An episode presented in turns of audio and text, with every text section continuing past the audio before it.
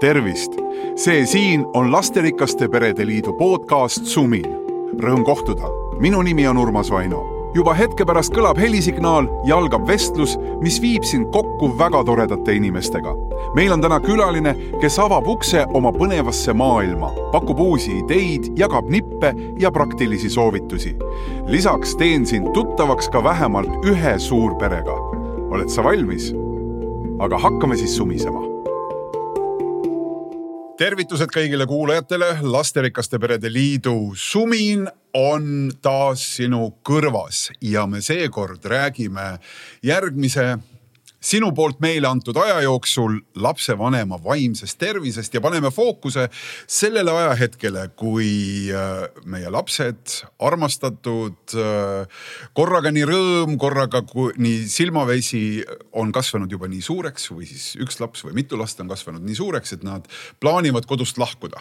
ehk siis see ilus ja mõnikord ka valus hetk, kus pesa vaikselt hakkab tühjenema. ja nii nagu ikka selles äh, podcast'is, selles äh, vestlusringis on meil mitu inimest külas. ka täna on külas Kaur, tervist, Kaur.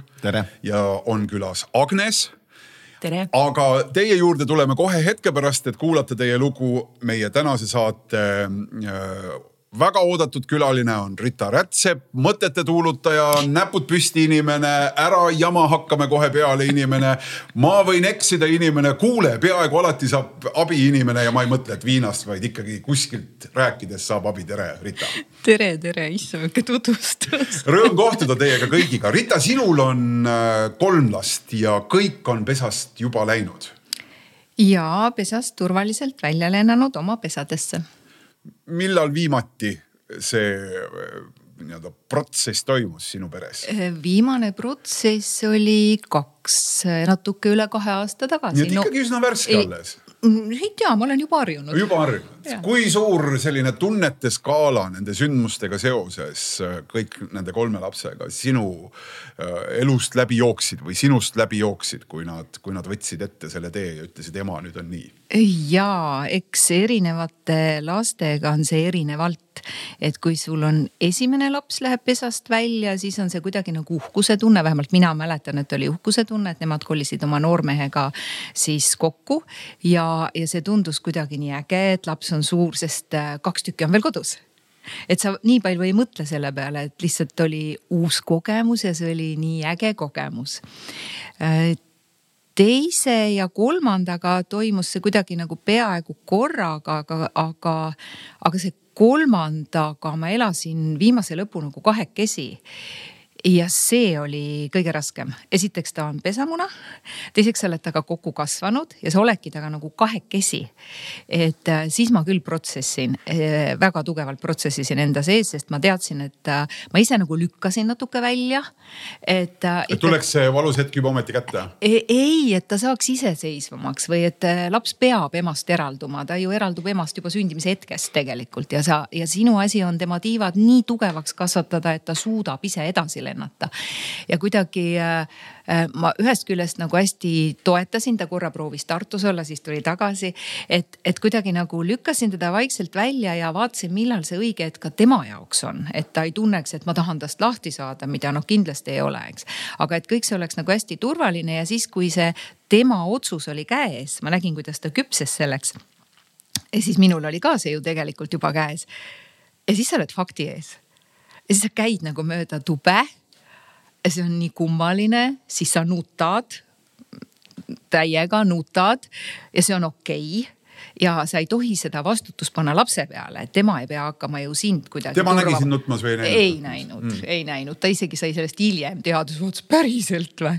et, äh, et selles mõttes äh, need protsessid tuleb läbi käia enda sees, see on täiesti loomulik, see tühja pesa sündroom, see on täiesti loomulik tunne ja nüüd tuleb seda hakata lihtsalt enda sees harjutama ja ongi kõik, et, et nüüd on see täiesti tore, käisin külas, lähed koju, teie elage oma elu, mina elan oma elu, kõik on hästi. aga kui sa seda ütled praegu, et see on selline protsess, kuidas on, kas see on praeguseks läbi? ikkagi sa juba ütlesid kaks aastat ja juba on nagu mõnda aega möödas, aga kas see nii-öelda kohanemine selle uue eluga sinu jaoks alles käib? ei, nüüd on läbi. nüüd on juba läbi, no väga tore, väga tore, nii et äh, saab juba rääkida kogenud inimene, kes on pannud nagu sellele punkti. meie äh, siin vestlusringis, Kaur, sinul äh, ütleb äh, minu andmestik on üks laps neljast välja kolinud no see on ka niimoodi pooltinglikult, et, et see väljakolimine on, on tingitud sellest, et ta läks siis kolm aastat tagasi Pariisi õppima ja no see oli siis nii-öelda see. Pariisist nüüd on jõudnud Bordeaux'i. nüüd on Bordeaux, nüüd ta teeb doktoriõpet Bordeaux, eks kõigepealt tegi magistrikraadi tegi Pariisis ja see oli ka niimoodi, et see oli see Covidi aeg. siis ta oli niimoodi vaheldava eduga, korra tuli koju õppima ja siis ta, siis ta läks jälle tagasi ja, ja on olnud selline edasi-tagasi, aga noh, aga jah, formaalselt on ta, ta ei ole nii-öelda tal on külalisvoodi meil. aga kas sa saad aru, kui tema ole. räägib oma kodust näiteks sõprade või tuttavate või, või pereliikmetega ka, kas ta peab silmas siis oma Bordeaux kodu või peab kodu all silmas ikkagi seda katust, kus sina elad?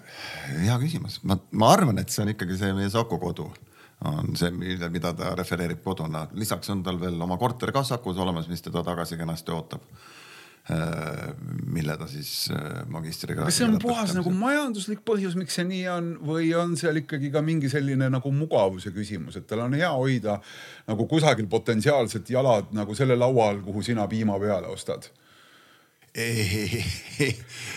Mina vastupidiselt palju siin eelpool kõnelejale, mina ei ole seda nagu protsessi kuidagi nagu lahti mõtestanud, et kas ta nüüd on kodust väljas või, või mis see tema kodu on, et ta on no, minu laps, ta, kui ta, kui ta tuleb meile ja ta käib äh, vaheaegadel meil praegu, siis jõulude aeg või suvel, siis ta on meie külaliste toas sellepärast, et tema toa. oma tuba ikkagi ei ole no.? ei, oma tuba ei ole, oma toa võttis vend ära, eks meil on ja, küll ja.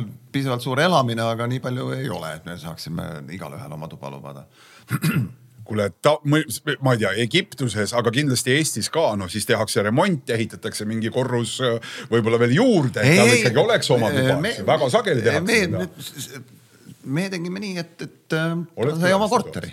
aa, no veel peenem. nii et palun targu, küll piisavalt lähedale, et oleks oleks äh, see, et see side ei oleks mitte raksti puruks mm, -hmm. puruks raiutud, aga. oota ma urgitsen veel, oli see tema initsiatiiv, et see oleks piisavalt lähedal või pigem te ütlesite, oo näe, siin on väga hea korter, see on meile väga mõnusasti lähedal ka, siis ta ei ela kooli kuhugi. ei, see ikka pigem see teine. teine, ikkagi te ise teadsite no,. esiteks oli, oli mõned aastad tagasi oligi see õige hetk ja oli ka paras. turuseis oli hea esiteks oli olemas see koht, teiseks oli tõesti väga kihvt ja, ja siis me ostsime ta ära ja kuna meil oli selline, meil noh, see ei ole kuskil mingis lepingus ega ametlikult kirjas, aga ma, ma olen nüüd abikaasaga mõelnud nii, et, et need lapsed, kes ülikooli lõpetavad, saavad meie poolt siis vähemalt elu alustuseks endale mingi elamise mm. -hmm. ja, ja tema on magistrikraadi lõpetanud, minu jaoks ülikooli hariduse magistrikraad ja siis tema on nüüd selles mõttes, tal on võimalus, ta võib selle maha müüa, kui tahab või teha mis iganes, kui ta tahab kuhugi mujale elama minna. Väga huvitav lugu, ma arvan, et siin on nagu selline sündmus käib, protsess käib, alles jõuame ju sellest rääkida ka ja, ja mul väga Kaur, ma nägin ka sinu silmade taga seal mingid nagu sellised emotsioonid ja tunded ja mõtted kindlasti on, mida võib-olla tasuks tähele panna. Agne, sinul on siis äh, viiest, nagu me alguses rääkisime, kolm. Äh, see tähendab äh, kolm last viiest välja kolinud, kaks elab praegu siis äh, kodus veel sinuga koos. kus need ülejäänud kolm on? ülejäänud kolmega juhtuski nii, et neil hakkas väga mõnus meie juures elama, elamise juures, et äh, me ostsime viis aastat tagasi endale hästi suure majaosa. mõttega, et kõigil lastel on seal oma toad, kõigil on piisavalt ruumi ja, ja kolisime sinna ja oligi väga ilus ja suur ja oligi väga mugav kõigil olla.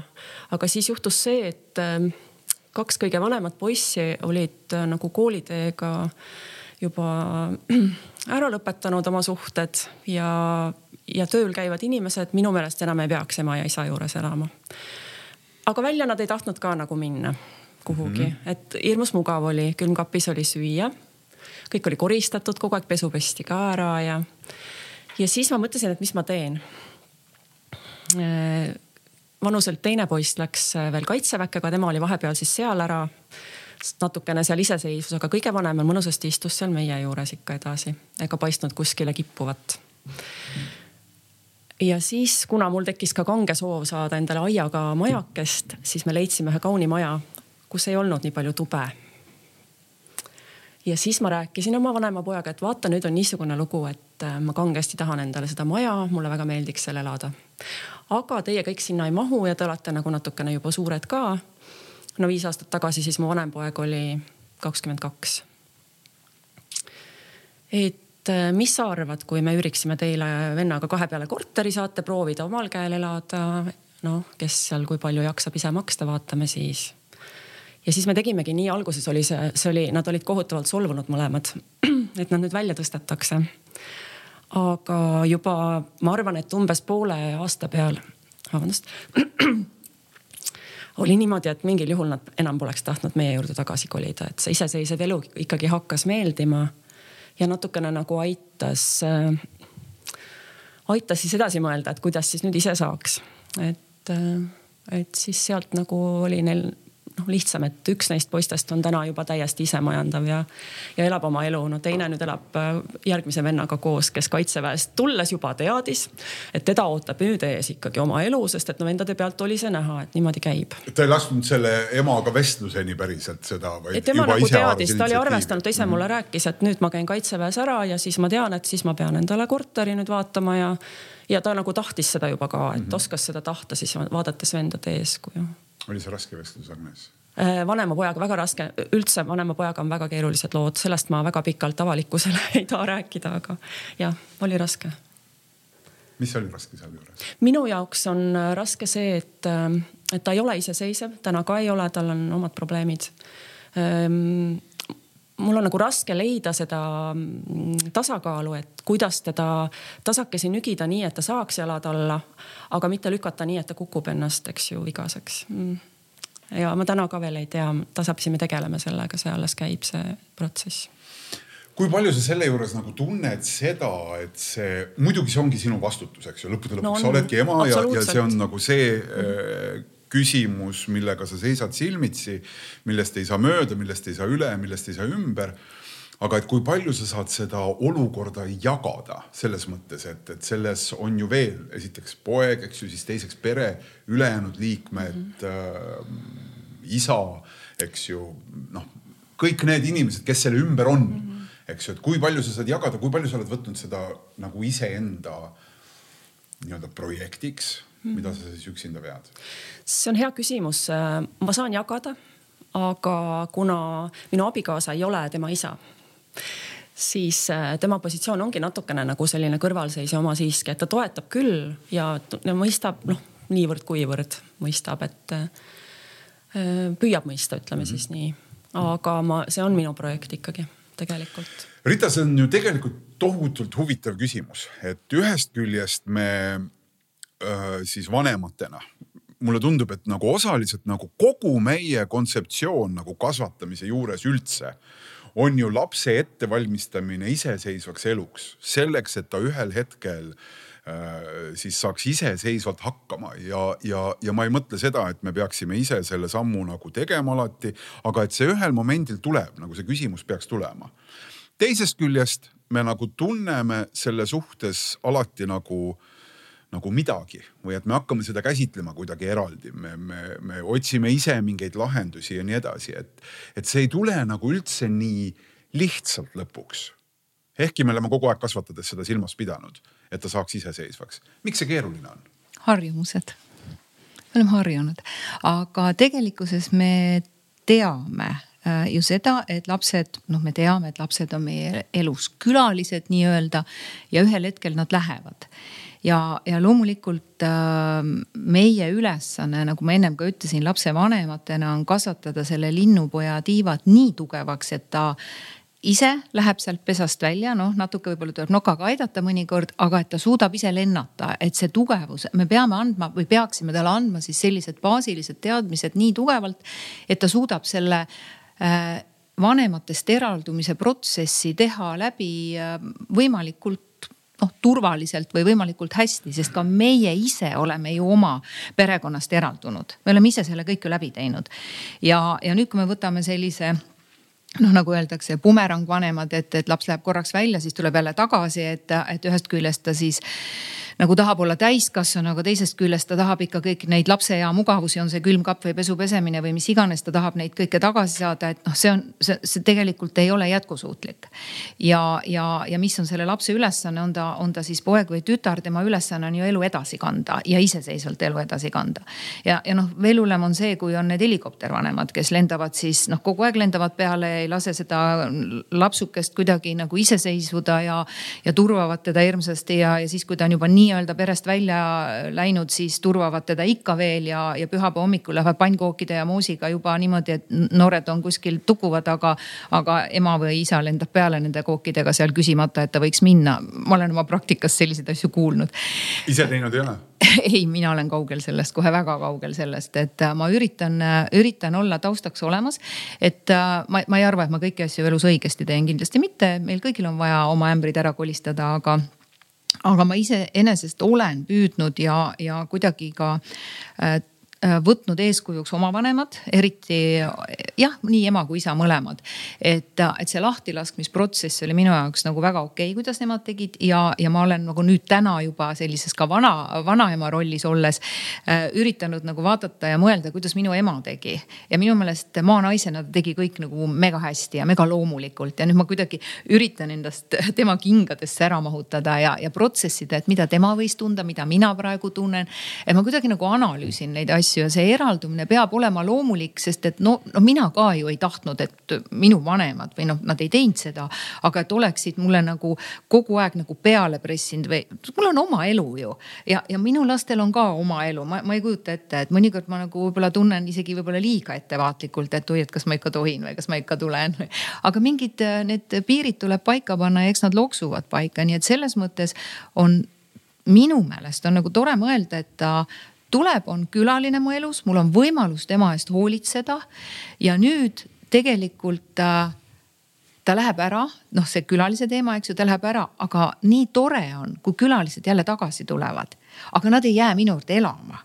Nad lähevad oma koju tagasi ehk see turvaline sadam nende jaoks peaks säilima ja, ja kui sa oled nende suhtes selline austav ja lugupidav ja arvestad ja aktsepteerid tema valikutega, sest tema kolistab ju oma ämbreid nüüd. tal on oma elu, tal on oma ülesanne aga kui ta tuleb vahetevahel sinu käest midagi küsima või mm., või tuleb nõu küsima, siis sa oled midagi nagu õigesti teinud. et, et äh, noh, tore, tulevad külla, lähevad ära, lehvitan akna pealt ja elan oma elu edasi mm. -hmm. Agnes kuidas kommenteerid, mida sa kuulsid praegu siit? Äh, ma kuulsingi, ma olen Ritaga täiesti nõus selles suhtes, et äh, nende lastega, kellega mul on nagu hästi läinud, äh, nendega niimoodi enam-vähem ongi. et ega nad ei nõuagi või nad nagu ei ootagi minult rohkem kui seda, et ma kusagil seal olen. parem ärgu ma torkigugi liiga palju, ega nad ei võta seda telefoni ka alati ja noh, niimoodi. elavad oma elu, vahel käivad, on ju, vahel küsivad nõu. et, et kui see on selline nagu terve eraldumine, siis nii see peakski olema just jah, telefoni teemal meil on nagu selline kokkulepe, et kui ma olen helistanud kaks kuni kolm korda järjest, siis tuleb vastu võtta. siis on midagi. siis on midagi. see on hea point. Mhm. jah, et noh, mingid reeglid või mingid mängureeglid tuleb kokku leppida, et, et see, see on see, et siis on, siis on minul noh, seda juhtub nagu noh, imeharva või ma ei tea, üks-kaks korda, aga, aga noh, selles mõttes mingid reeglid peavad äh, olema. absoluutselt et... vastastikune lugupidamine ka, eks ole, et sul võib, võib jah oma asju olla teha, aga halloo, mina siin, äkki mul on nagu midagi olulist öelda. ja no mul on alati see, et, et kas sa saad rääkida Mm -hmm. mitte ei lenda sisse, et, et ikkagi see, mis sa tahad, et sinuga tehakse, sorry, ma ei saa praegu. jah Kaur, see, kuidas sa ise kirjeldasid, okei okay,, ma saan aru, et praegu see üks, kes on, on kodust justkui poolenisti lahkunud, eks, et ta on üsna lähedal, ta on samas kaugel. oleks väga huvitav kuulda, kuidas tema käsitleb, et kas tal on natukene teistsugune käsitlus sellest, et kas ta on iseseisva elu peal või ei ole, eks ju, et, et me seda siin ei saa praegu kuulda, aga ma ütlen, et see oleks huvitav. et et kas need tingimused, mis ta sai sinu poolt, et kas te rääkisite temaga ka need asjad läbi? Ehk siis, kas ta oli osaline selles kujunduses, et noh, me ostame sulle siin korteri ja see on siin ja sa saad siin seda kasutada. Äh, kas ta, kas te rääkisite seda läbi või ta sai selle paketi sinult nagu kaasa? kui ma nüüd hakkan takkajärgi meenutama, meil on ei, ei läbirääkimisi kui selliseid ei pole olnud, et noh, lihtsalt elus need on need võimalused ka tekkinud suhteliselt hiljuti, ei ole olnud niimoodi, et ma kakskümmend aastat on, on mul olnud raha pangaarvel ja. et sa saaksid osta korterit, ma saan sellest aru. ja, ja need, need mõtted on noh, lapsed on jõudnud sellisesse vanusesse, et need on tulnud sellised mõtted. ühelt poolt on, ongi see võib-olla ka toetab seda mõtet, et noh, peaks, lapsele peab andma võimaluse nagu välja, välja lennata, et, et et kasvatadagi võimalikult tugevad tiivad ja, ja veel kord, see ei ole ka mingi selline kivisse raiutud minu elu põhimõte, see on, elus on niimoodi läinud. on kujunenud absoluutselt. on kujunenud, ühelt poolt ma olen natukene selline vanakoolimees koos enda abikaasaga, kes mind väga selles toetab, et haridus on number üks. et kõrgharidus, see mm -hmm. noh, all, latti allapoole ei lase vaatame, mis teistest lastest saab. üks on veel nii väike, üheteistaastane. igaüks, igaühelt peab nõudma tema vaimselt äh, võimetele vastavalt ja tema, me ei saa veel täna otsustada, kas üheteistaastane. absoluutselt, see ei ole. aga kolm, kolm vanemat last on, kõik on võimekad lapsed ja nendel on selge, et nendel tuleb äh, panna suhteliselt kõrge latt, toetada sellel teel ja ühtlasi ka on noh, meile öeldud, kui te olete tublid ja annate endasse arengus kõik, siis see on see nii-öelda kodust väljakasvamise või väljalendamise pakett, mis teid ootab, kui te olete, annate endast eh, kõik ja kasvate tublideks, tublideks inimesteks. ma natuke kaua sind provotseerin ka, et aga kas see ei ole nagu lihtsalt sellise lapsepõlve nagu pikendamine, eks, kus meil on vastutus ja mõnes mõttes me ikkagi kontrollime seda lapse arengut ja kasvamist, et siis, kui sa ütled, et no näed, et nüüd see on siin sinu korterist, et sa oled nüüd lõpetanud selle kooli. kas sa ei kontrolli sellega oma last ei, nagu meil ei ole, see ei ole see story tegelikult, see story ei ole üldse nii, et, et see on sinu korter või kodu või, või krunt ja see see on pigem natuke sihuke natukene muinasjutt, muinasjutu moodi. Story on ikka see, et, et äh, sina ehitad oma elu. see on sinu elu, mis sind ootab. meie kogemus ütleb, et selline on meil parim, mida sa saad enda elu, elu jaoks teha. haridus on parim, mida sa saad täna, täna teha me, ja, ja meie võimaldame hariduse sulle kindlasti, me hoiame sind nii kaua kui vaja, et sa saaksid omandada endale hea hariduse. noh, kui kui no korraks nagu sellisesse ana, mõtteanalüüsi minna, siis äh, minu enda ja nüüd ka poja pealt näha, mulle julgeme soovitada ja, ja kui kellelgi on sellist võimekust ja tahtmist, et, et selline haridustee jaotadagi nii, et, et kui sul on võimalik kindlasti olla gümnaasium, äh, lõpetada kodus. Ja kui vähekenegi võimalus, siis ka bakalaureus teha, teha see kodus ja see bakalaureuse aste, noh, see on siis kakskümmend üks kuni kakskümmend kaks aastat vanus, siis peaks, siis võiks laps olla kodus. pärast seda äh, mina üritaks küll niimoodi, et minge tehke välismaal aasta, kaks mm, -hmm. kolm, neli mm, -hmm. nii palju kui võimalik jumala pärast võite sinna jäädagi, kui tahate, kui äh, ise, ise vaadake, aga see on siis see hetk, kus võiks tekkida juba, juba noh, välismaale saatmine on maru lihtne sellepärast, et siis sul ei ole, noh siis sa pead seal olema, sa pead oma pesud pesema, sa pead oma toidud muretsema mis iganes, kas ta on siis äh, õppelaenuga või mhm, stipendiumitega mm -hmm. või mhm. vanemate toega, aga siis see on, see on selles mõttes, et noh, võib-olla see on vale öelda, aga see on lihtne. see on, see on, see on, ära jäävad need mured, et siis ta tuleb iga nädalavahetuseks koju sul pesu pesema ja, ja, ja, ja mm, äh, nõud võivad jääda sinna Kaur, aga kas sa oled valmis selleks ka, et, et esimene laps praegu neljas seda teed käib mm., aga näiteks kolmas laps ütleb, et isa, mind üldse ei huvita see jutt. et minu meelest see on täiesti nagu vananenud käsitlus ja mina tahan teha oma asjad hoopis nii. Good. senikaua, kuni ta on tark ja õnnelik inimene, andku tuld lihtsalt no ma, ma ei tea ühtegi sellist alternatiivi täna sellisele klassikalise traditsioonilise hariduse omandamise teele. ega haridus, see, see, see kõrgkool kui selline on ainult sümbol, eks lõppkokkuvõttes see ei ole oluline, aga see protsess, eks sa leiad endale võrdse tasemega sõpru. ega, ega kool, ülikool on ju sotsiaalvõrgustike loomise aeg, mhm. sa lood endale elu selles ajas, sa leiad elukaaslased. muideks üks nüanss, ma lihtsalt praegu ma olen, mind väga-väga on kurvastanud tegelikult see, kui äh, palju võttis see Covidi aeg, võttis ära äh, esimese-teise kursuse üliõpilastelt, et need, kes läksid ülikooli ja olid Covidi ajal mm. -hmm. mul on nii kahju, sest et see on see kõige ilusam aeg elus on see ülikooli esimene kursus või esimesed kaks kursust, kus sa nagu absoluutselt seal ehitad ja kui sa seda pead nagu ehitama virtuaalselt. läbi ekraani on see kindlasti raske. aga jah, vastus on see, et tegelikult loomulikult nad otsustavad seda ise. Rita, kuidas teha nii, et need äh, asjad, millesse meie usume ja lõpuks need, äh, ma arvan, on ka selle pesast lahkumise puhul on see küsimus üsna otsustav, et asjad, millesse meie usume ja milles me oleme oma elus veendunud, et nad ei saaks nagu nagu, kuidas ma ütlen, nagu potentsiaalse kriisi loojaks meie suhetes lastega, sest et lõppude lõpuks nii on, et see on nende elu.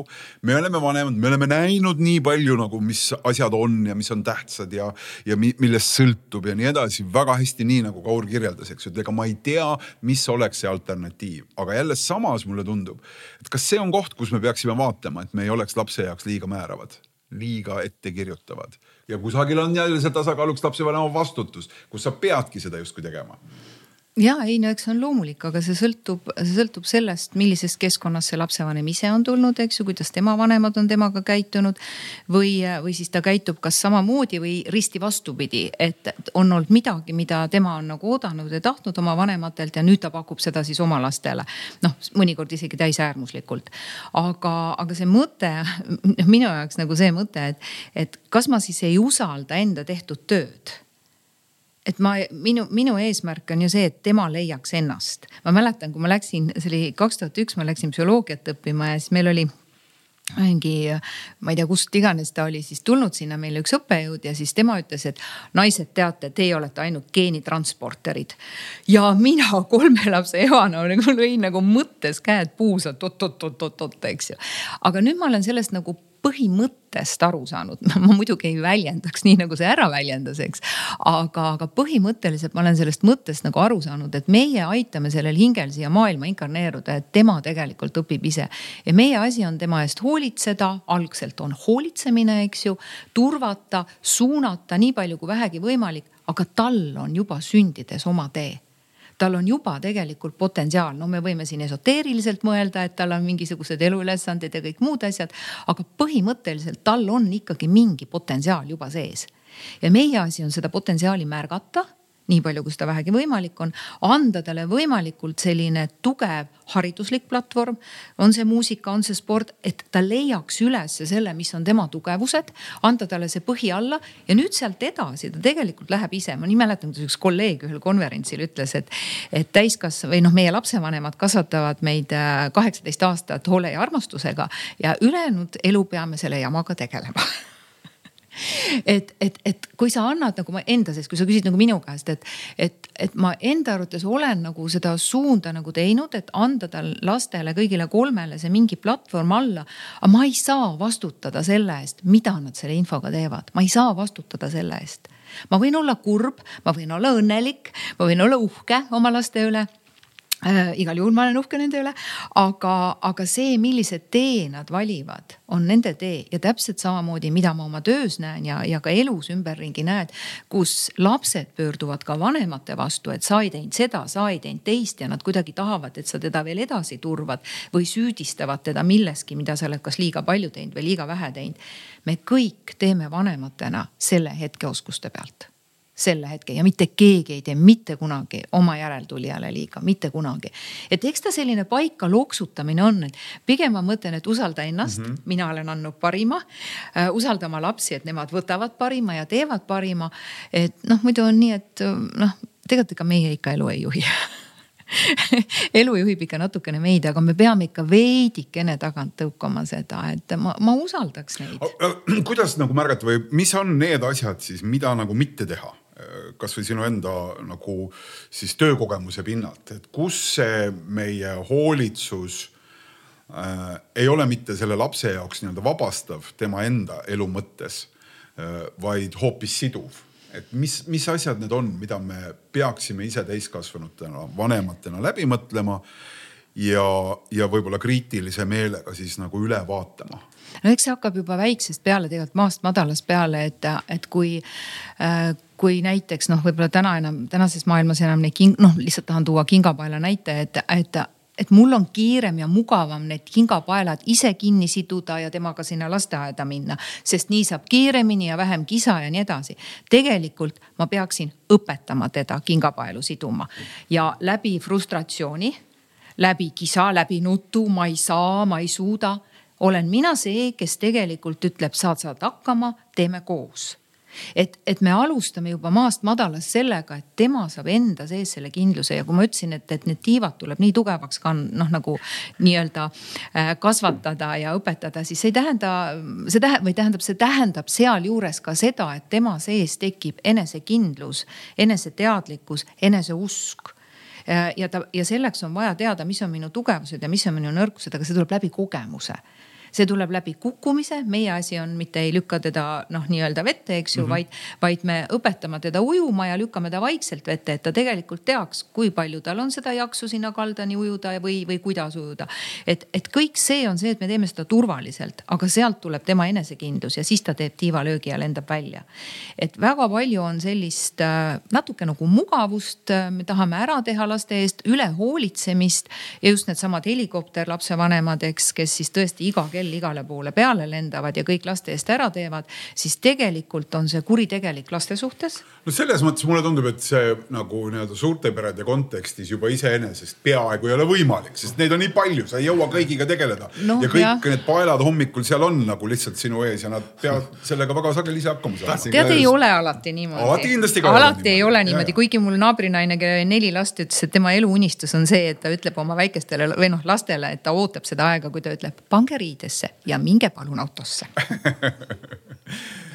ma tahtsin ka just mainida, et tegelikult need lasterikkad pered, ma arvan, et meil on nagu määratult vähem seda, seda, seda ülehoolitsemist ja omandusefekti, et see on pigem sellise, eriti ilmselt te, te teate rohkem, on see ühe laste, ühe lapse perede, kus on. kusjuures ei ole, ma vaidlen tegelikult natuke vastu, ei ole, on ka selliseid, mina olen näinud ka selliseid nelja ja viie lapsega emasid, kes on, kelle elu eesmärk ongi olla siis nagu kodus ja ta on pühendanud ennast täiesti lastele. kus on see oht alati, selle tühjapesa sündroomi oht on veel suurem ja ta tõesti kakskümmend neli seitse on teenindaja rollis ja, ja e, e, päris nii ei saa öelda, et võib-olla see ühe lapsega lapsevanem on väga teadlik ja suunab teda väga teadlikult ja see viiega võib olla nii kanaema.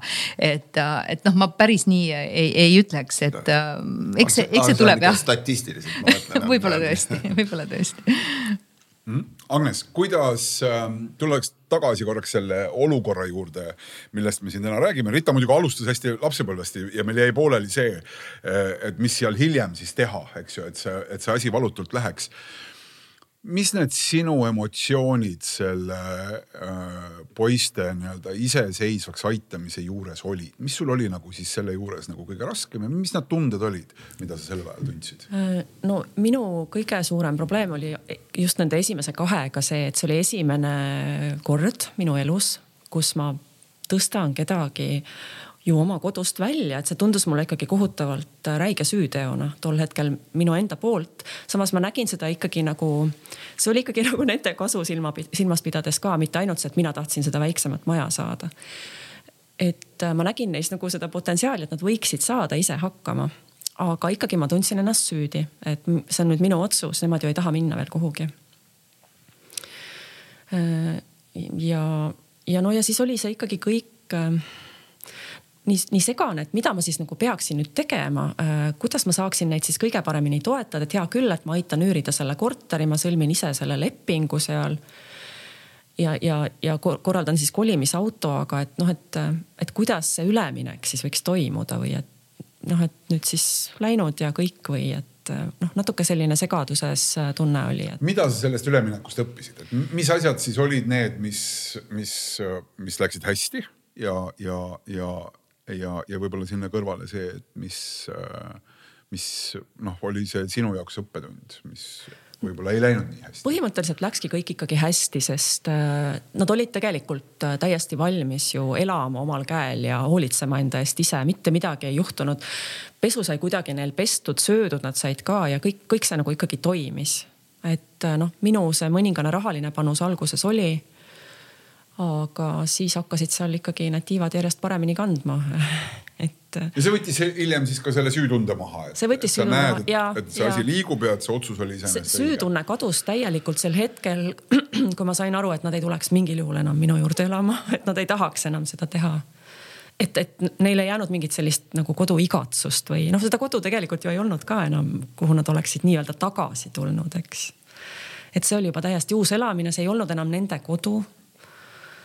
Natukene jubedalt kõlab tegelikult, kui ma niimoodi praegu ütlen, võtsin kodu ära väikestelt poistelt ja no et vot täpselt need emotsioonid tegelikult, eks ju, tol hetkel olid, nüüd enam ei ole muidugi nii, nüüd on kõik hästi. Rita, sa alustasid sellest, et peaks olema see lapsepõlves iseseisvuse kasvatamine, eks ju, algama nii-öelda teadlikult ja, ja kingapaela näide, aga siin lõpupoole, et kuidas, kuidas ise nii-öelda ennast ette valmistada selleks olukorraks lapsevanemana, kui, kui selgub või noh, nii-öelda saab reaalsuseks see, et ma nüüd äh, pean leppima või siis aitama äh, siis need lapsed iseseisvaks selle asja nimi on, eks ju, see tühjapesa sündroom, see oli mm -hmm. kuskil tuhat üheksasada seitsekümmend minu meelest, kui sotsioloogid selle nagu välja ütlesid. sellise, sellise termini ja, ja see mõte on äh, nagu äh, selles, et äh, et alguses on kaks inimest ja siis hakkab sinna pessa tulema järjest juurde, kellel kui palju, eks ju. ja siis hakkab see pesa tühjenema ja ühel hetkel on kaks inimest täpselt samasuguses seisus tagasi, kus see pesa on siis nagu tühi. noh, tegelikkuses on see ideaalne ju. looduses see ju nii käibki ja, ja, ja noh, ütleme kõik see, et kui me hoiame seal pesas äh, seda linnupoega, siis noh, ütleme, et see on nüüd jäänud selleks metafooriks siia. kui me hoiame teda seal pesas, siis ühel hetkel ei mahu need vanemad sinna enam ära ja, ja, ja kõik, kõik muu selline, et see, see ei ole eluloomulik protsess. ja meie asi ongi kogu aeg selle protsessiga kaasas käia, see on ükskõik, on see piiride panemine või ükskõik mis sellised asjad, me lähme kogu aeg lapse kasvades peame ise ka muutuma. et mingisuguses vanuses tal kuskil kuskil seitsmendas eluaastast hakkavad ju sõbrad tähtsamaks muutuma ja see on ka okei okay.. ja nüüd, kui see üsna tihti ema on see. see tähendab, et kui sa ütled üsna tihti ema, kas see on emade jaoks kõige raskem olukord? mõnikord on see ka isade jaoks olnud väga raske, olen ma oma praktikas näinud tööalaselt, et, et isad, kes on selle laste, kui nad on väiksed, on pühendunud meeletult palju tööle, et kogu seda peret üleval hoida, siis ühel hetkel nad saavad aru, et laps läheb pesast välja, siis tekivad süümepinnad. et, et, et aga mina ei olnud tema jaoks väga olemas või et.... ma märkasin alles seda, kui ta sai viieseks äh,. tead, isegi nad märkavad siis, kui nad saavad kakskümmend viis või isegi viisteist või mm., või noh, ka selliseid juhtumeid on. alati saab vigu parandada, alati see on okei okay., et, et siis saab selle suhte uuesti luua ja nii edasi, et, et keegi ei ole ju midagi meelega halba teinud. aga väga tihti on just emadel ja eriti nendel emadel, kes on siis päriselt nagu väga-väga pühendunud perele. ta isegi ei käi enam tööl, näiteks tal ei ole seda oma väljundit, tal ei ole isegi oma hobi. et, et siis on see liigne klammerdumine väga kerge tekkima. et, et kui on normaalsus, et ma noortel vanematel alati ütlen, et kui te hakkate nagu pere looma, et ärge unustage käia date imas käige alati date imas, ma nüüd oma noortele ka olles vanaema rollis niimoodi, no käige date imas, eks ju, no juba ühe korra käisid, nii tore, aga no laps on ainult kuune ja natuke peale, eks ju. et, et niimoodi peabki tegelikult minema, et muidu on see tühjapesa sündroom selline, et need, kui kogu elu on läinud nende laste eest hoolitsemise peale, ema taksojuht, isa taksojuht, kogu aeg on ainult logistika mm, -hmm. sina viid, sina teed, sina tuled, oled. siis ühel hetkel, kui see pesa on tühi, siis vaatavad kaks tükki üksteisele otsa, aga oota, kes sina oled ja mis me nüüd teeme, eks ju. et seda ohtu see on ohtlik ka lastele et, et neil on parem tulla alati toimivate vanemate juurde tagasi, kellel on oma elu, sest muidu nad võtavad selle muretsemise, et oi, ema on üksi või issi on seal nüüd niimoodi ja kuidas nad hakkama saavad. ja väga palju need vanemad hakkavad ka lapsi ära kasutama. tule tee, tule ole ja, ja, ja jälle on üleseotus. et laste jaoks on väga tore toimivad vanemad, kui vanemal on oma hobid, oma elu, oma töö, et nendel on kergem eralduda ja tegelikult on ka vanematel siis kergem oma lapsi lahti lasta. et see on loomulik elu mm. -hmm sina kuskil nagu tegid oma lastega ka nagu mingil hetkel plaani või, või nii nagu, nii nagu Agnes siin rääkis enda loost, et, et ta natukene aitas, sest et elujärg on nii hea, võiks elada siin teab mis, eks ju vanuseni, et lõppude lõpuks me, me täna ju seetõttu paljuski sellest räägime, et me oleme jõudnud, paljud pered on jõudnud oma elujärjega sinna, et lõppude lõpuks ei olegi küsimust, et kui palju neid jalgu siin laua ääres on. et ma arvan, et lihtsam oli see sellel hetkel või seal olukorras, kus ka ongi majanduslik küsimus lihtsalt, et sa pead hakkama iseseisvaks või, või et sa pead ise nii-öelda piltlikult öeldes adra taga käima hakkama, sest et muidu ei saa hakkama sinu suu toitmisega, eks ju, nii nagu see noh, meie vanaemadel, vana-vanaemadel oli, et see oli seal palju orgaanilisem kuidagi, kõige vanem saab selle talu, ülejäänud peavad minema. täna enam seda vajadust nii teravat alati ei ole või väga sageli isegi võime öelda, et ei ole. ja seetõttu me peame sellest kuidagi teist kom-, teisel kombel rääkima. ja nüüd siis küsimus sinu juurde, et kas sina tegid oma lastega ka sellest juttu, kuidas sina neid ette valmistasid selleks? kas sellest on mingi vanus, kus sellest peaks hakkama rääkima? Issand, ma, ma mõtlen seda, et mul on läinud see nii orgaaniliselt. või rullin üle praegu selle küsimuse? võib-olla ei, mitte, sugugi mitte, ma arvan, et väga paljudes peredes on see probleem, et see, et sa selle tõstatad, ma, ma arvan, et see on väga-väga teemakohane, aga see ei ole noh, kõikides, aga noh peresid on palju, eks. et ma mõtlen, et, et mul endal läks see kuidagi vist hästi orgaaniliselt, vanemal tütrel oli võimalik üüri, äh, üürikorterisse minna, aga ta pidi selle üüri ise maksma. et nad olid kahekesi, et äh, ja, ja esimese korteri jah, tõesti, ma vahepeal mõtlesin, et ma käin tööl ainult sellepärast, et äh, osaliselt maksta siis tema korterit ja tema autot, eks. et ta oli üliõpilane ta oli üliõpilane ja ta noh, tal ei olnud seda võimalust, et tõesti me toetasime, et noh, puhtfüüsiliselt ei ole lapsel võimalik. noh, temal oli natukene teine lugu ka sellega, et tal jooksis kogu aeg, tal oli noh, ta isa on surnud ja, ja, ja tal oli ka olemas autorikaitse ja muud asjad, mis natukene noh. mingi, mingi raha, mingi raha oli tal endal mm -hmm. ka olemas, aga noh, ikkagi me, me toetasime siis, ähm, äh, siis teiste laste isaga, kes oli tema jaoks kasuisa teisest eluaastast saadik, me ikkagi toetasime. ja, ja, ja sealt edasi hakkas ta juba ise mängima sellega, et kas ta müüb selle korteri maha, ostab uue tee, et sealt edasi on kõik tema iseseisev elu, et niimoodi sai aidatud, aga äh, kahe järgmise lapsega on see kuidagi olnud orgaanilisem, et nad on, nad on nagu hästi mõnusalt juba väiksest peale nagu tööd teinud, et nad on kuidagi nagu endale selle jala hästi alla saanud. aga mida nad teavad, on see, et äh, ma ei torma aitama. aga kus ma tean, et on vaja, vaid ma alati küsin et kui on abi vaja ja nad teavad, et kui on abi vaja, siis nad tulevad, küsivad, nad teavad, et nad saavad selle abi, aga mitte ei torma neid aitama, et aga kas sul on vaja, kuidas sul on vaja.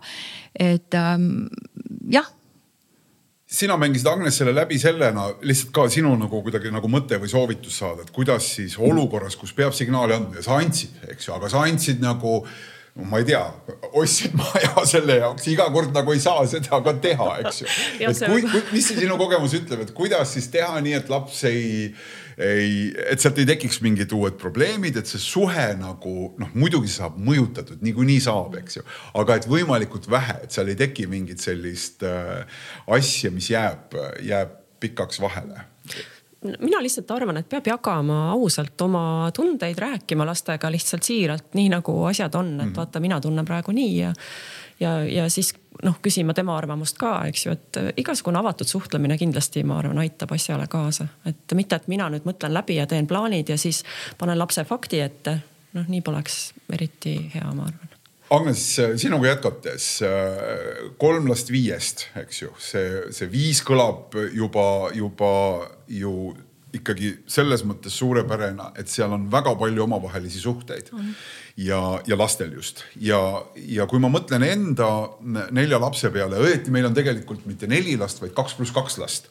et kaks tükki on ühes vanuserühmas ja kaks tükki on nooremas vanuserühmas ja ilmselgelt neil omavahel nagu siis see suhtedünaamika on üsna erinev, et kaks vanemat saavad ühtemoodi läbi, kaks nooremat noh, saavad nagu omavahel teistmoodi läbi.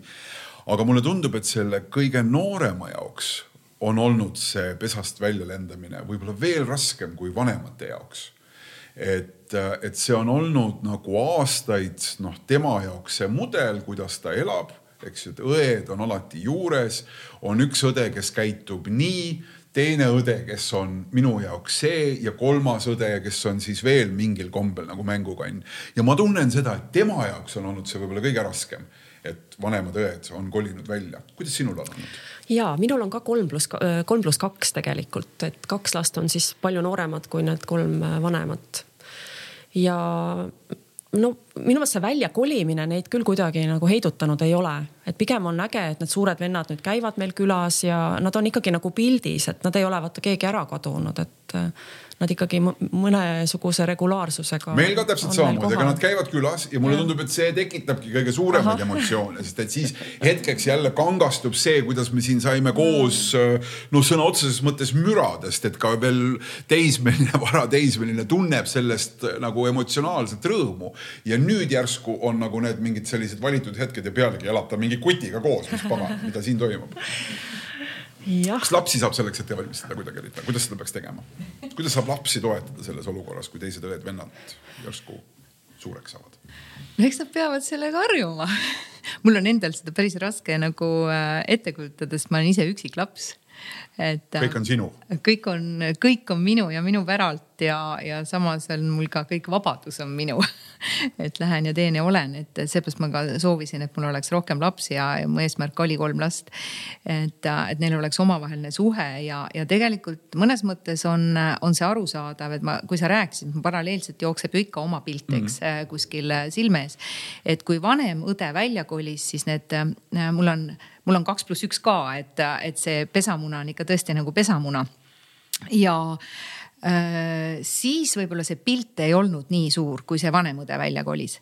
aga vot, kui need kaks, kellel on vahet seitse aastat, siis kui vot sealt oli see, et, et mul oli ka see, et poeg oli aasta otsa Jaapanis, õppis äh, gümnaasiumis seal, eks ju.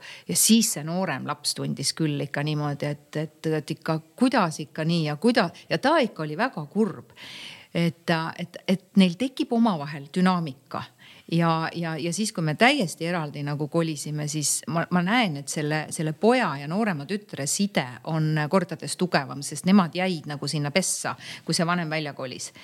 et, et siis kuidagi nagu jah, nad saavad ikka, saavad ikka pihta küll, aga see elukoha vahetus natukene töötab, et kui ta oleks jah samas kodus, siis võib-olla see tühja tunne, tühi tunne oleks nagu tugevam, et, et selge on ju see, et kui me elame suure perega, meil on suurem elamine ja suhteliselt ebapraktiline on elada samasuguses majas edasi et tegelikult võiks ka noh, ütleme, et kui me oleme kahekesi, siis hakkab mm. maja suurenema, eks ju, igalühel vaja oma tuba või kuidas kellegi võimalused ja siis ta peaks hakkama nagu natuke kahanema. no mis need kaks inimest ikka selle kolmesaja ruudu peal ikka üksteist taga hõikavad, eks ju. et siis võiks natukene väiksem olla see elamine ja lastel on ka natukene lihtsam mina arvan niimoodi, et, et.... seal on muidugi väga sageli on ikkagi meil jalus see, et no ka laste pärast me hoiame seda. tühjane lapse on..., ma tean, naabritel oli ka igal pool, kus, et jälle hoiame last, noh kõik jooksevad välismaale igale poole laiali, sul on see suur maja kaelas, et, et noh, natukene võiks olla praktilisem, eks, et võib-olla siin on see lastega läbirääkimine, kas nad ikka tahavad seda maja saada või mitte, eks ju. jaa, üliäge oli. Meil ju, me elamegi, me ostsime uue maja, mille ehitas üks Ukraina meesterahvas, kes ehitas kolm maja oma lastele samasse tänavasse no üks pere elab seal ka tema lastest, aga ülejäänud kaks oli ikka vaja ära müüa, sest ega need lapsed ei olnud sellest huvitatud, et seal kõik niimoodi ilusasti koos elada. lastel on omad plaanid, aga ma arvan, ma lisaksingi selle viimase koju jäänud lapse teema juurde seda, et minul on nad ju kahekesi ma arvan, et mhm. selles võib-olla ongi vahe. Nad on teineteise jaoks. sa pead ise hakkama selleks on, valmistuma. ja neil on hästi väike vanusevahe ka mm., et noh, vaatame jah, kumb enne või kuidas siis. aga kuidas selleks valmistuda? ma just, ma just nagu mõtlen, seda ei saa nagu valmistada, et kuidas ma nüüd hakkan siis käin ja räägin lapsele, et nii no, nüüd su vanem, varsti. paneme su üksinda siin, oled köögis natukene aega. ja täpselt, mina arvan, et probleeme lahendatakse tek tekkimise järjekorras. ja just, et, et, tekkimise järjekorras, et kui see mm. probleem tuleb, siis noh, on asju, milleks me saame ette valmistada valmistada, on asju, milleks me ikka väga palju ette valmistada ei saa, sest me ei tea, kuidas see läheb. võib-olla see moraal on siis selles, et lihtsalt seda märgata. see märgata, ei ole nagu ainult õige. vanemate probleem, see ei ole vanavanemate probleem, vaid see on äh, väga sageli ikkagi ka nende pesas olnud laste omavaheliste suhete ja kuidas need kujunevad. absoluutselt, äh, see on alati per case, et, et siin mm -hmm. nagu mhm. ette valmistada, noh, noh, eks ta ju näeb vanemate pealt, kuidas, kui, kui vanemad õed-vennad juba eest ära läksid, et tal tekib mingi omad protsessid, et siin on selline rääkimine, kuulamine, eelkõige märkamine, eks. räägime läbi, minul on ka kurb, sinul on ka kurb, noh nutame siis natukene, aga nad harjuvad, nad on palju tugevamad, kui me arvame. Ma toon nüüd ühe täiesti ootamatu teema veel siia juurde selle saate lõpetuseks, aga mulle tundub, et või meie vestluse lõpetuseks, aga mulle tundub, et see on kohane, sellepärast et kui me räägime pesast välja lendamisest, siis on äh, meie suhete ehk siis vanemate suhete juures, õdede-vendade suhete juures üks oluline küsimus veel sest kui nad kolivad välja, siis nende partneriks enamasti ei ole mitte ainult see kinnisvara, kuhu nad lähevad, vaid seal elab veel keegi ja, ja sinna tuleb ju täiesti võõras inimene. kas ma sain sinu äh, loost aru nii äh,, Kaur, et, et sinu siis lapsel on ka juba elukaaslane olemas ei. või tal ei ole veel, no nii. vähemalt mi... et siin. ma vähemalt ei tea. siin, siin mul lauda ei ole, aga, aga ikka on, sinul on. ja minul ja on. minul on täpselt samamoodi ja nii see sageli kipub olema, et nad väga kiiresti ikkagi leiavad äh, endale kellegi. kuidas nagu see uus inimene siis vastu võtta nii, et, et et äh, või et kuidas selles olukorras käituda, see on loomulik, see on nii ja ka on nii, et et on nagu inimesed, kes on meeldivad ja siis on inimesed, kelle puhul sa mõtled, opaa, kus selline nüüd järsku valik lapse poolt? Ma ei oska jälle öelda, no kõik No on nii hästi mõtle, kogu no aeg. et, et, hästi. et ma mõtlen seda, et noh, mitte alati kõik ei ole olnud hästi, et, et mul on olnud ka ju laste puhul partnerite nii-öelda noh, noored inimesed otsivad ju, eks ju, ja, ja on ka olnud see, et need, kellega nad algselt on koos, tänaseks nad enam ei ole koos.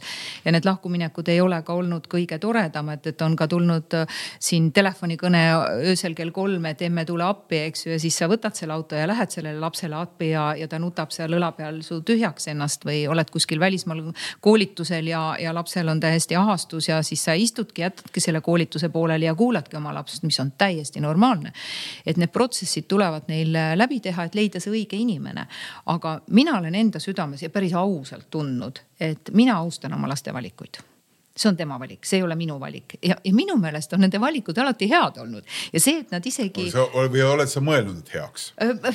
ma vist usun, et on head või ma, ma ei tea, sest ma usaldan oma lapsi, need on nende valikud, see on nende jaoks parimad valikud, võib-olla, võib-olla siis äh, situatsioonides, kus nendega võib-olla ei ole käitutud kõige paremini või neil on nagu tüli tekkinud, siis minul on endal lapsepõlvest mälestus kus ma elasin sugulaste juures ja nemad läksid lahku ja kõik suguvõsa lendas mulle peale, eks ju, et teada saada, mis toimus ja minu ema, tarkmaa naine, ütles mulle, sina ei ole nendega ühes magamistoas olnud, kõik, lihtsalt ole vait. ja seda ma ka tegin. ja, ja, ja tõesti, kes olen mina, et lähen sinna vahele ma kaitsen alati oma last, ma näen, kui keegi on halvasti käitunud, aga ma ei tea, mis tema on teinud. ma olen seal vahel täpselt nii palju, kui lapse jaoks vaja on olnud, aga minu meelest on neil alati olnud head valikud, et tuleb usaldada oma laste valikuid. võib-olla kui ta ei ole tõesti vaimselt või füüsiliselt vägivaldne, siis on teine teema, eks ju, siis tuleb ikkagi teistmoodi käituda, aga jumal on õnnistanud, et selliseid mm. asju ei ole olnud. on seal mingi selline elutarkus, mida sa oled äh, andnud või, või öelnud selle kontekstis või, või et mis on see sinu reegel siis sinu lastega selles küsimuses? äh, mis puudutab nende elukaaslasi, et on sul olnud seal midagi, mida ja nad on ütled? küsinud, nad on mm -hmm. küsinud, kui nad on uutes rollides olnud, siis nad on mu käest küsinud, et ema, mis tarkuse sa mulle kaasa annad. ja sellel hetkel ma olen öelnud, mida mina arvan. aga üks asi on see, et väärtusta ennast ära lase endale kunagi liiga teha, sa oled väärtuslik, väärtusta ka teist inimest, suhtes on kaks poolt. ma ei tea, Agnes, kuidas sinul on, noh kaks vanemat poega võiks arvata, et seal on, võib esineda äh, suhteid, eks ju, juba sellises vanuses, et kuidas sa oled iseenda peas seda küsimust reguleerinud, et no, teoreetiliselt äh, ma suhtun samamoodi nagu Rita täpselt. ai kui tore, teoreetiliselt suhtun no aga ma ju ei tea, aga ma ju tegelikult ei tea, et kui tõesti peaks tekkima pilti keegi inimene, kes minu jaoks tundub, et ah, see on nii vale ja ta ei tea, mida ta teeb. ma ei oska öelda, kuidas ma siis tunnen või olen, et äh, pean ausalt tunnistama, ma olen ka inimene aga sa ei ole veel selles olukorras olnud? ma ei ole olnud ja, ja mm -hmm. minuni, mulle ei ole toodud näha veel ühtegi. no Kaur natuke hakkas nihelema juba, kuidas sinul on? mina arvan seda, et, et me, need lapsed on, kui nad hakkavad välja lendama, enda suhteid looma, minu töö on tehtud.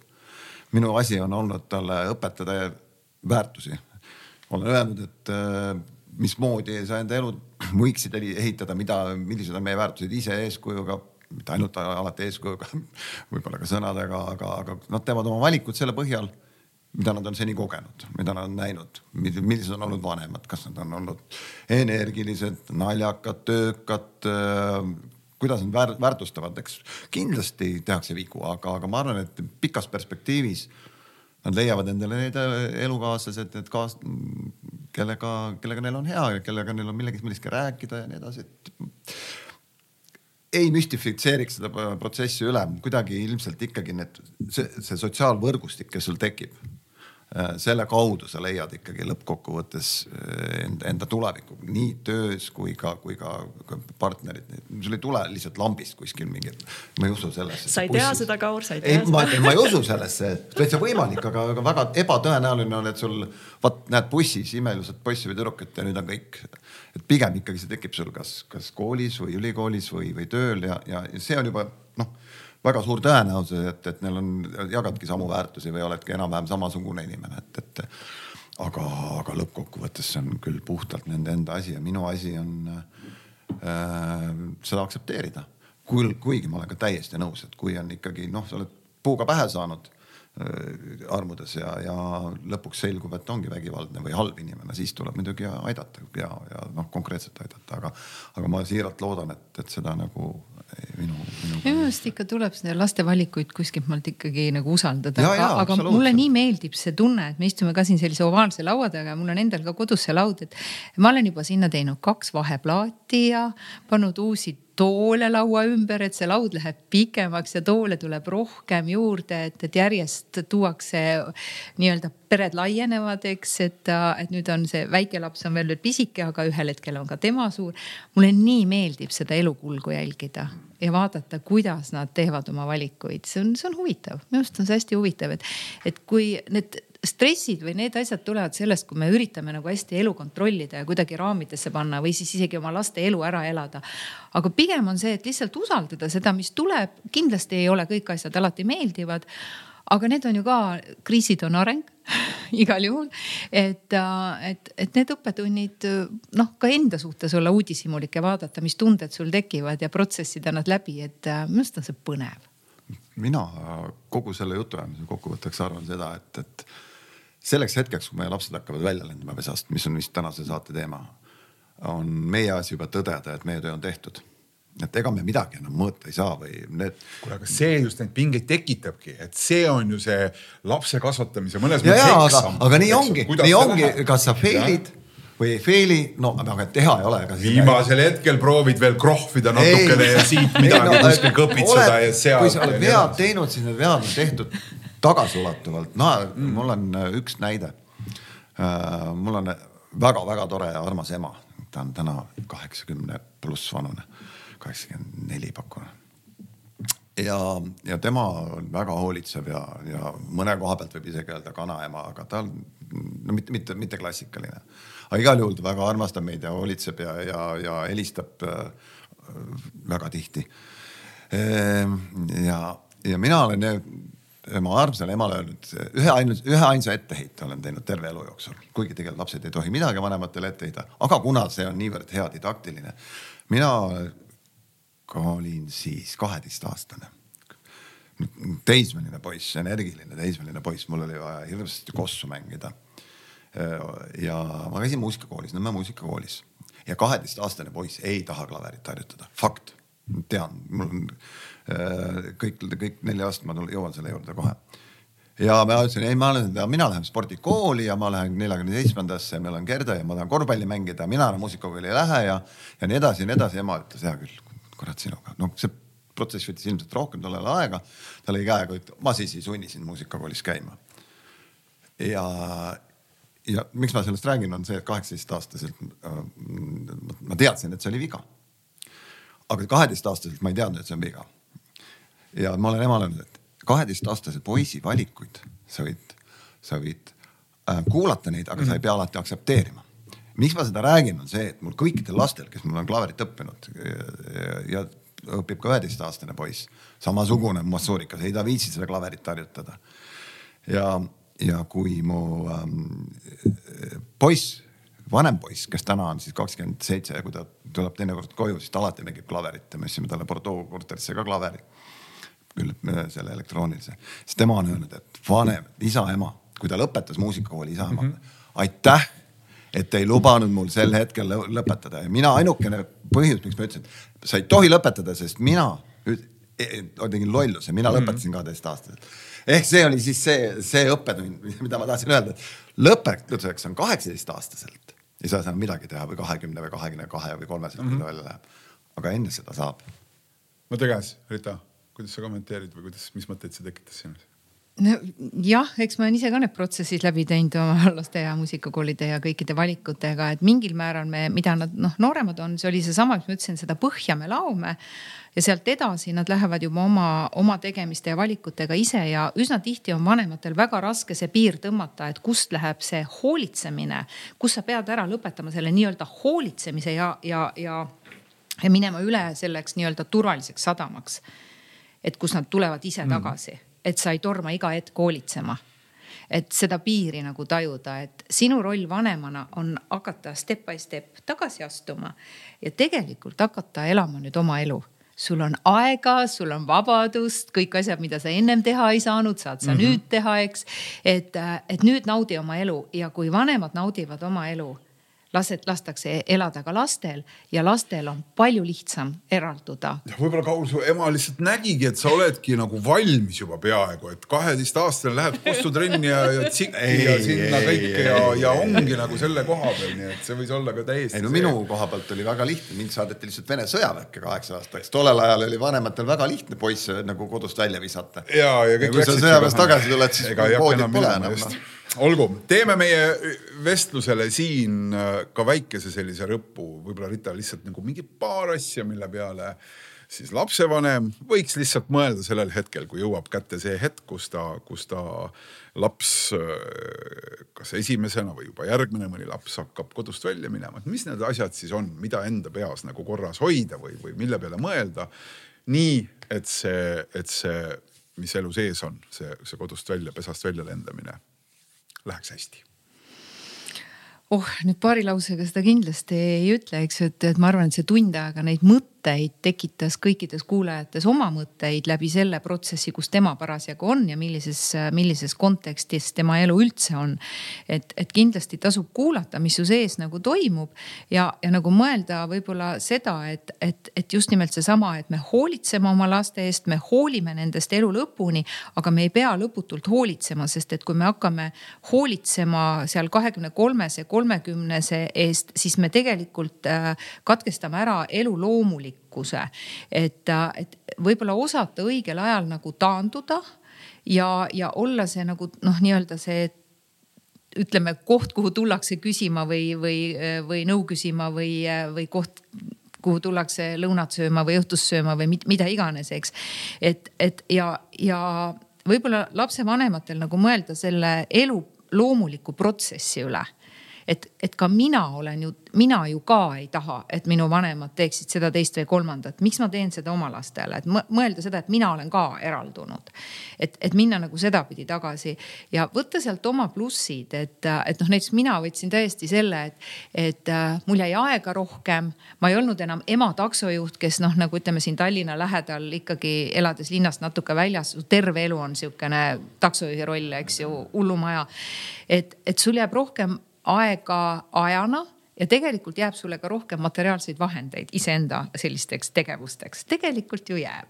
et, et, et nautida seda elu loomulikku protsessi ja, ja tunda sellest rõõmu, et, et et ei ole see asi nii hull, et me oleme harjunud ja harjumustest on jube raske lahti lasta, aga, aga kujundame siis uued harjumused lihtsalt. ehk siis äh, täitsa, täitsa nagu mingi selline lõpumõte on siis see, et see pere on alati nagu ansambel ja kui ansamblis mingid liikmed vahelduvad, siis selle uue kooskõla nagu loomine või sündimine võtab alati aega. no tuleb häälestada natuke. aga see häälestamine, see paratamatult tuleb ja selle peale mõeldes on tõenäoliselt see tulemus alati parem. lõpetada tuleb duoga ja, ja see on ka hea, aga seda. iga, iga selline protsess toob uusi väärtusi ja kui me klammerdume mingite vanade harjumuste külge, siis me tegelikult ei lase uuel sündida just ja seda peab elu loomuliku käigu juures lihtsalt mõistma ja, ja, ja tundma sellest rõõmu.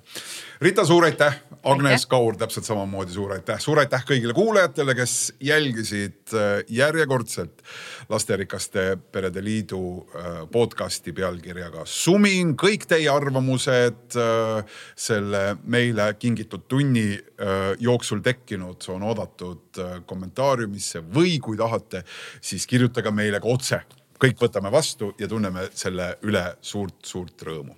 uus podcast on kindlasti juba siit kuskilt lähedusest leitav, kui sul on veel aega, ootame sind kuulama